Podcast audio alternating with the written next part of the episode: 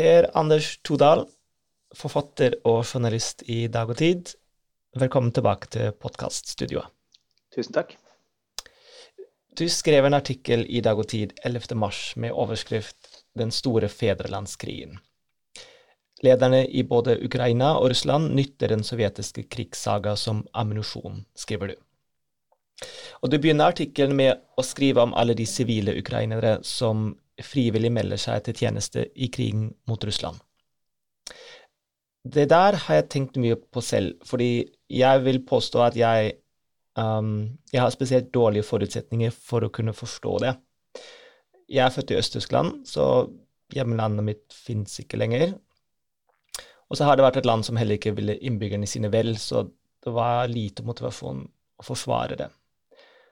Og så har jo vi tyskere vokst opp med ideen om at vi skal forhindre en ny krig til enhver pris, og all form for tilknytning til hjemlandet i form av patriotisme eller nasjonalisme, det har blitt sett på som noe farlig, som noe som fort kan gå ut av kontroll. Så jeg sliter med å forstå hvordan noen skulle velge å risikere å dø for det de kaller fedrelandet. Og derfor har jeg gledet meg spesielt mye til den samtalen her med deg i dag. For i artikkelen din så gir du oss en forklaring på um, hvorfor de velger å gjøre som de gjør. Først så lurer jeg på hva fikk deg til å skrive om akkurat dette temaet? Jeg ble vel slått av eh, det samme som du sjøl nevner her, hvordan eh, folk som overhodet ikke har krigserfaring eller kunnskap om uh, våpen, stiller seg opp i kø for å få utdelt skytevåpen for å forsvare landet sitt. Det er en mentalitet veldig forskjellig fra den jeg tror nordmenn har. Rett nok eh, er det lenge siden Norge har vært i krig. Men det er veldig vanskelig for å se for meg at uh, du kunne få til en mobilisering av det slaget i Norge hvis uh, russerne kom for å invadere oss. Og um, så har jeg jo brukt en del tid på å sette meg inn i historien til den tidligere Sovjetunionen, og jeg tror det er grunn til å hevde at mye av forklaringa på den ukrainske mentaliteten er å finne i den sovjetiske historien, da Ukraina var del av Sovjetunionen. Mm. Nå skal det sies at uh, ukrainerne har vært strengt tatt i krig siden 2014 i Donbas. Så uh, krigen har hele veien vært til stede i landet der, og det er jo noe med, mentaliteten i løpet av de åtte åra som har gått, det òg. Men like fullt tror jeg det er noen forskjeller som stikker mye dypere enn det, og som har eldre røtter. Mm. Hvor er det den interessen din for Øst-Europa og de tidligere sovjetlandene spesielt kommer fra? Hvis vi tar Øst-Europa først, så tror jeg kanskje det var ei reise i Polen som jeg gjorde uh, rett før muren falt. En tur med folkehøyskolen. Uh, et lite um, gløtt i det som var en annen verden på den tida. Og bare noen måneder seinere falt jo jernteppet, og så var det over. Mange år etterpå ble jeg interessert i det som var Sovjetunionen, og særlig Hviterussland. Jeg skrev en bok om Hviterussland som kom ut i 2009, som heter 'Fanden på flat mark'. Der eh, jeg prøvde å få fram det helt særskilte med eh, Hviterussland som mange kalte den siste sovjetrepublikken. Eh, et land som bevarte veldig mye av det som hadde vært Sovjetunionen. Og etter det har jeg reist i en god del andre land i den tidligere Sovjetunionen. Merkelig nok aldri i Russland. Jeg har kvidd meg for å reise til Russland av grunner som jeg ikke helt forstår. Men jeg har i hvert fall besøkt Ukraina, Kasakhstan, de baltiske statene, Eh, Georgia og Aserbajdsjan. Og det du får en sterk følelse av når du reiser i det landet her, er jo at relasjonen til Russland er ganske annerledes i de fleste andre naboland av Russland enn uh, tilfellet i Norge. Av alle naboland Russland har, er Norge det eneste landet som ikke har vært invadert eller kolonisert av vår store nabo. Vi tenker på russerne som frigjørerne som kom og kasta ut okkupantene fra Finnmark. De fleste andre naboland av Russland har et uh, mindre godarta forhold til naboen sin. Mm. Med tanke på din tilknytning og interesse for det området. Uh, hvordan har du hatt det de siste ukene etter at Russland gikk til angrep mot Ukraina? Jeg tror det gjør det verre. Uh, det Ukraina er ikke et land jeg kjenner godt, men uh, det var et land som gjorde et veldig sterkt inntrykk da jeg var der i 2010, var det vel. Jeg reist til Kiev og reist til Krim, Sevastopol, uh, laga reportasjer derifra. Og fikk følelsen av at det var et land som begynte å finne sin uh, måte å være en selvstendig stat på. Uh, Famla litt med nasjonalismen sin. De uh, hadde et nokså kaotisk og korrupt politisk system. og Det var på en måte et land i støpeskeia, men jeg fikk følelsen av at det var et land som var på riktig vei. da. Og mm. Eh, jo, det, det, er verre å se plasser en faktisk har besøkt, bli slukt av krigen, enn eh, plasser som en bare har sett bilder av. Det, det, er det. Det blir virkelig på en annen måte, og det kjennes enda verre. Mm. Jeg vil tro det. Um, I artikkelen din så skriver du ukrainere har en fundamentalt annen innstilling til krig enn det vi har i Vest-Europa. Hva mener du med det? Jeg skal ikke gjøre meg til noen ekspert på ukrainsk mentalitet. Det er ikke et land jeg kjenner like godt som Hviterussland. Men eh, jeg kan vurdere det i det minste ut fra den mobiliseringa vi ser, folkemobiliseringa. Eh, folkeforsvaret av fedrelandet som vi ser eh, framfor øynene våre på TV-skjermen og, i avisene. Og jeg tror denne mentaliteten i ganske stor grad kan spores tilbake til erfaringene fra andre verdenskrig og kampen mot den tyske okkupanten som kom og invaderte Ukraina og resten av Sovjetunionen i 1941. Mm. Det er i hvert fall min hypotese.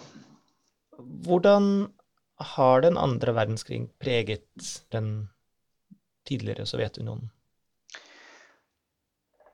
Det blei eh, på et vis selve legitimeringa for sovjetstaten fra 1960-tallet av. Hvis vi ser på for det første de forferdelige ødeleggelsene, så er det ikke rart at uh, andre verdenskrig uh, laga noe fullstendig uslettelige minner i Sovjetunionen. I Norge lager vi fremdeles masse bøker om andre verdenskrig. Og andre verdenskrig i Norge var jo triviell i forhold til det som foregikk i Sovjetunionen. Mm. Det finnes anslag på 27 millioner døde mennesker i det som var Sovjetunionen under andre verdenskrig. Det er helt ubegripelig. Så lidelsen der i seg sjøl vil jo skape et veldig sterkt uh, kollektivt minne uh, om krigen. Men i tillegg, uh, fra Khrusjtsjov-æraen av, så begynte sovjetstaten å bruke andre verdenskrig på en litt annen måte enn før. De første etterkrigsåra så foretrakk Stalin i stor grad å framstille det som at det var hans eget verk alene å slå tyskerne. Og eh, i den grad eh, folk flest skulle trekkes inn, så var det russerne sin krig han framheva. Og i Den røde armé så var russerne helt klart i majoritet, det er greit, men uh, det var jo også folk fra alle de andre sovjetrepublikkene med å slåss. Og de verste ødeleggelsene skjedde jo faktisk i Ukraina og Hviterussland. Uh, og dels i Baltikum. Hviterussland var det landet som mista den største delen av befolkninga si, med kanskje så mye som hver fjerde innbygger. Um, så fra Khrusjtsjov av så snur denne framstillinga, og det, blir, det med å slå nazistene blir i mye større grad et felles sovjetisk prosjekt der uh, alle folka i Sovjetunionen, og det er mange folk, sto sammen mot uh, invasjonshæren. Um, og de begynner med en massiv uh, oppbygging av minnesmerket i en helt annen grad enn det har vært gjort tidligere. Uh, det blir nærmest en kultus rundt andre verdenskrig med enorme minnesmerker fra Stalingrad til Brest til Kiev til Moskva, St. Petersburg, eller datidas Leningrad de her uh, minnestedene blir også dyrka med frisk, mengder av friske blomster hver uh, mai, på frigjøringsdagen. Um, det her er uh, Du får i tillegg ei svær oppbygning av museum som er umåtelig stor. Jeg har sett i krigsmuseer i bl.a. Sevastopol og Kiev og i Minsk i Hviterussland. Og du kan bare gå i timevis der. Det er uendelig svære museum.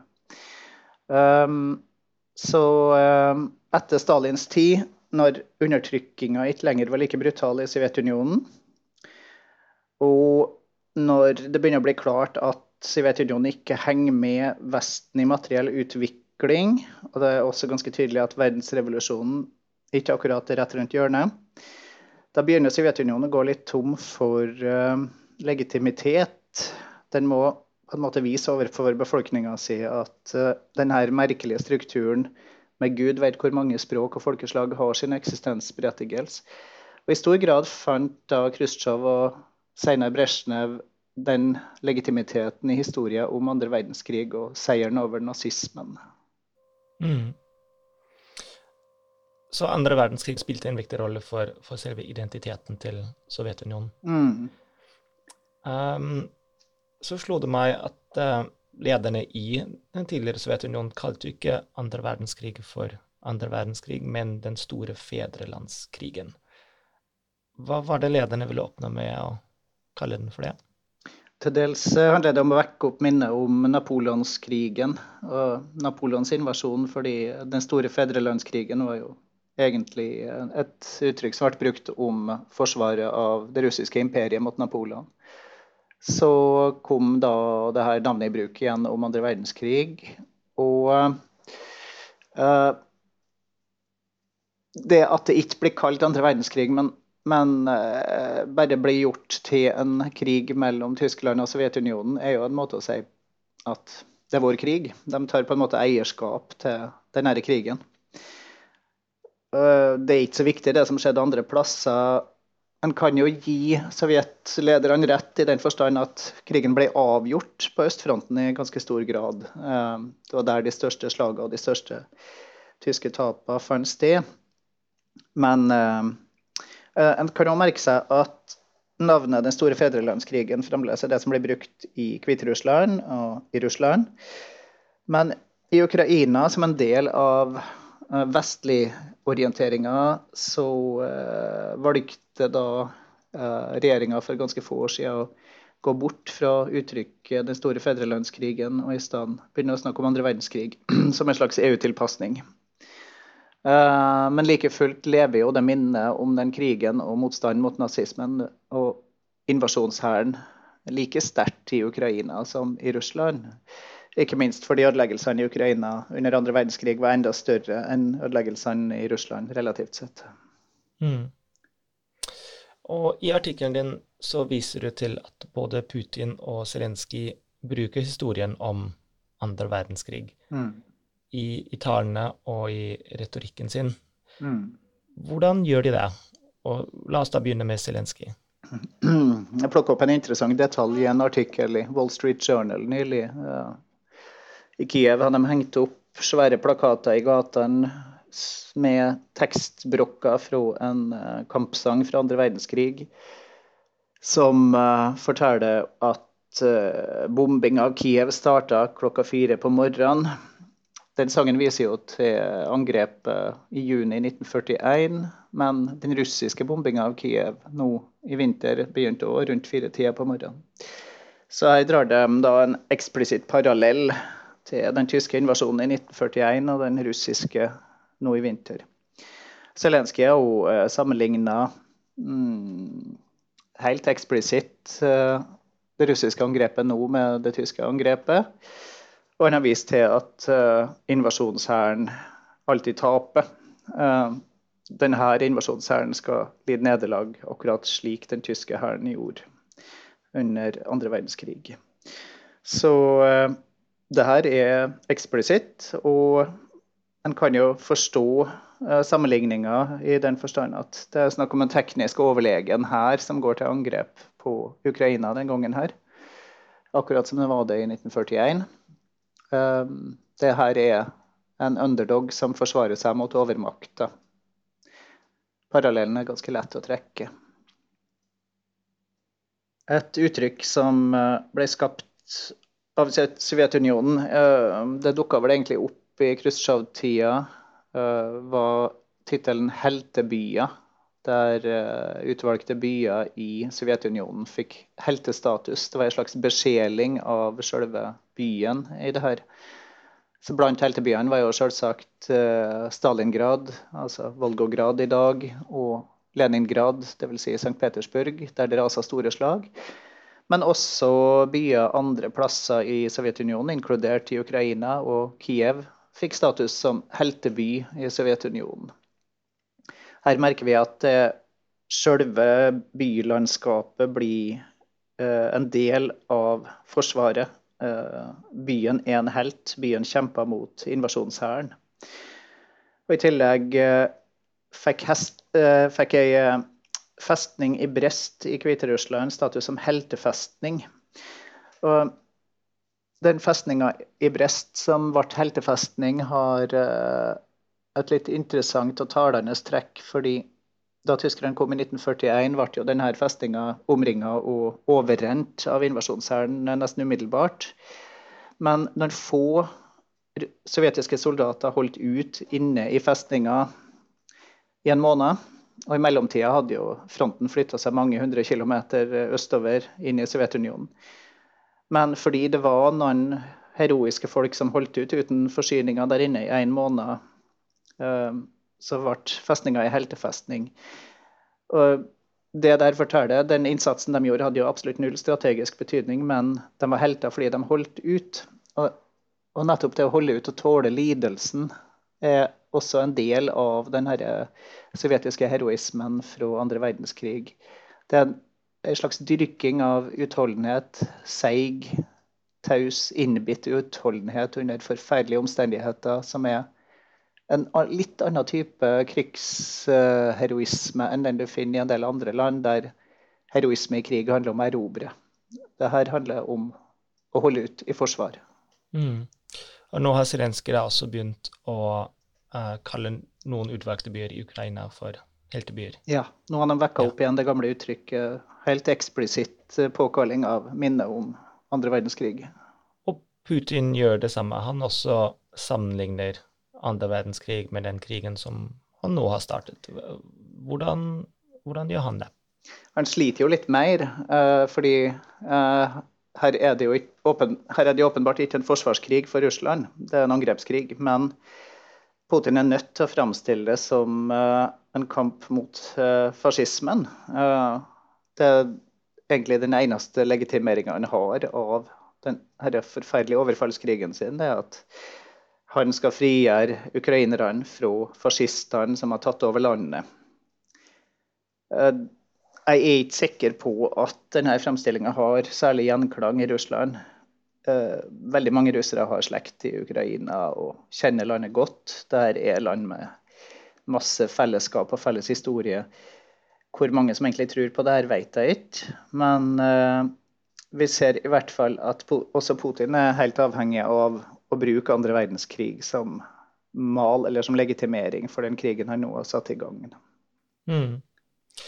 Hva tror du, altså Vil disse fortellingene eh, fra henholdsvis Zelenskyj og Putin øke motivasjonen og kampviljen til uh, de ukrainske årene. Det blir jo bare gjetting, men uh, sunn fornuft tilsier at uh, det er mye mer motivasjon å hente for ukrainerne enn for russerne i uh, historien om andre verdenskrig. Rett og slett fordi krigshistorien til Sovjetunionen for andre verdenskrig og, og mytologien rundt det i så stor grad handler om forsvarskamp.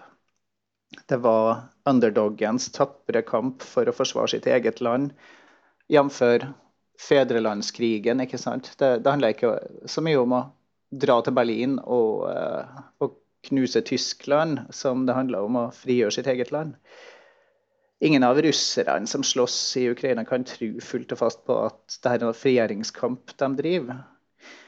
Og så har de jo det momentet med hvordan krigen blir ført òg, fordi i særlig det første året etter at tyskerne har gått inn i uh, Russland, eller i Sovjetunionen i 1941, så var jo mye av krigen, forsvarskampen, ført som geriljakrig. Og mye av den ukrainske kampen mot de teknisk overlegne russiske styrkene nå er eh, geriljakrig som minner om partisanene fra andre verdenskrig. Skjule seg i byene, skjule seg i skogene, snikangrep, prøve å slå ut panserkjøretøyer til eh, fienden. Det, det, er ganske mange fellestrekk der. og under andre verdenskrig hadde jo også tyskerne lenge kontroll over luftrommet, slik russerne i stor grad har det nå. Så jeg tror nok ukrainske hæren har mer inspirasjon å hente i andre verdenskrig enn den russiske har akkurat i øyeblikket. Mm. Og slik som jeg forstår deg, så, så er det ikke bare propaganda fra Zelenskyj sin side, men det er en del historiske likheter mellom det som skjer nå, og det som skjedde under andre verdenskrig. Vil du si det? Mange ting er forskjellige, naturligvis. Eh, det det er ikke den samme type ekspansjon Putin driver med som uh, det Hitler drev med under andre verdenskrig. Vi skal ikke trekke de der Putler-parallellene for langt. Det, det, er det ingen grunn til. Jeg har aldri mistenkt Putin for å ha noe ønske om å erobre hele Europa. Det han har drevet med, har jo mye handla om å rekonstruere det som lar seg rekonstruere av det gamle imperiet. Om det så er tsarens imperium eller Sovjetimperiet han ønsker å rekonstruere, det, det vet bare Putin. Men uh, jeg tror ikke ambisjonene hans strekker seg så mye lenger enn det. Men for ukrainerne er jo konsekvensene like fatale uansett. Du som har reist i flere av de tidligere sovjetstatene, uh, spesielt mye Hviterussland, men også mange andre. Hva er ditt inntrykk av patriotisme i disse landene? Er den annerledes enn den patriotismen vi kjenner til? Svaret på det kommer veldig an på hvilket land en snakker om. Det Hviterussland, som er det landet jeg kjenner best, utmerker seg ikke bare med å ha et spesielt varmt forhold til Sovjetunionen, eh, men også med en veldig svak nasjonal identitet, vil jeg si. Mm. I tillegg har jo trolig den identiteten blitt svekka av at de uh, i veldig mange år har blitt styrt av uh, Aleksandr Lukasjenko, som identifiserer seg i veldig stor grad med Sovjetunionen, og, og, ikke egentlig har dyrka fram den hviterussiske nasjonale identiteten i særlig grad i det hele tatt. Når det gjelder Ukraina, så har jo de ulike landsdelene såpass ulik historie. Ukraina har jo vært del av flere ulike imperium. Uh, hvis du har levd et langt liv i Elviv, så kunne du oppleve å være en borger i, i hvert fall fire ulike statsdannelser i løpet av din egen levetid. Den vestlige delen av Ukraina, sørvestlige delen, ble jo føyd til uh, Sovjetunionen først etter andre verdenskrig og hadde aldri vært del av det russiske imperiet på noe tidspunkt heller. Så der er det mange ulike historier i lag på lag i ulike landsdeler. Men det jeg tror vi kan si, er at Putin har gjort mer for å skape en ukrainsk nasjonalisme siden 2014 enn noen annen. Langt mer enn noen ukrainsk politiker har klart. Fordi hvis du gjentatte gang blir angrepet av en overmektig fiende, så skaper det stort sett samhold, i, og det skaper nasjonal følelse. Så det er en ting til som er kanskje verdt å nevne. Putins beskyldninger mot Ukraina at de er styrt av narkomane nazister, er jo fullstendig skrullete og tragikomisk. Ja. Men så merker jeg jo at nå når dekninga vår i vestlige medium i så stor grad er i favør Ukraina, så, så blir det kanskje litt i overkant tona ned at det finnes element av høyreekstreme i den ukrainske hæren, eh, eller i ja, nasjonalgarden det er ikke et stort element. Eh, Regjeringa er ikke narkomane nazister. Det er ikke sånn at Ukraina er et nazistisk land. Eh, det er helt absurd. Men det fins høyreekstreme krefter i Azov-bataljonen som er tatt inn i uh, forsvaret til Ukraina, og som nå, så vidt jeg vet, uh, står for en god del av kampene rundt Mariupol uh, i sør. Så vi skal ikke overdrive det aspektet her, men det er noe der. Det, det er også ei side av saka. Mm. Og det vil jo gjøre det lettere for Putin hvis en liten prosentandel av fortellingen hans er sann. Det er alltid lettere. Det er helt sant. Bare bitte litt sannhet, så kan du bare forstørre opp derifra. Ja. For å komme tilbake til det spørsmålet som vi begynte med, hva det er som er motivasjonen til de som står i kø for å gå i krig mot Russland og forsvare Ukraina. I hvor stor grad vil du si at andre verdenskrig, den store fedrelandskrigen, hvor stor rolle tror du det spiller i motivasjonen? Når krigen først er i gang, så uh, spiller vel kampen for å overleve veldig stor rolle. Uh, det er ganske motiverende i seg sjøl. Men uh, jeg tror i hvert fall det har gjort det veldig mye lettere for den ukrainske regjeringa å mobilisere folket til kamp, og hæren også.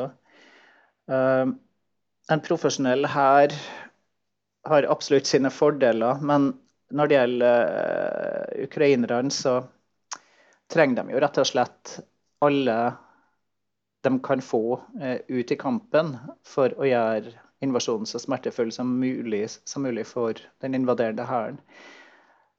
Og da kan en dårlig trent uh, snikskytter faktisk spille en rolle. Um, så jeg tror i hvert fall ikke det er uviktig med det her eh, historiske bakteppet med en slags felles bevissthet om eh, at ukrainere har slåss mot en overmektig fiende før og vunnet. Per Anders Todal, hjertelig takk for at du var med i Dag og Tid-podkasten i dag. Tusen takk.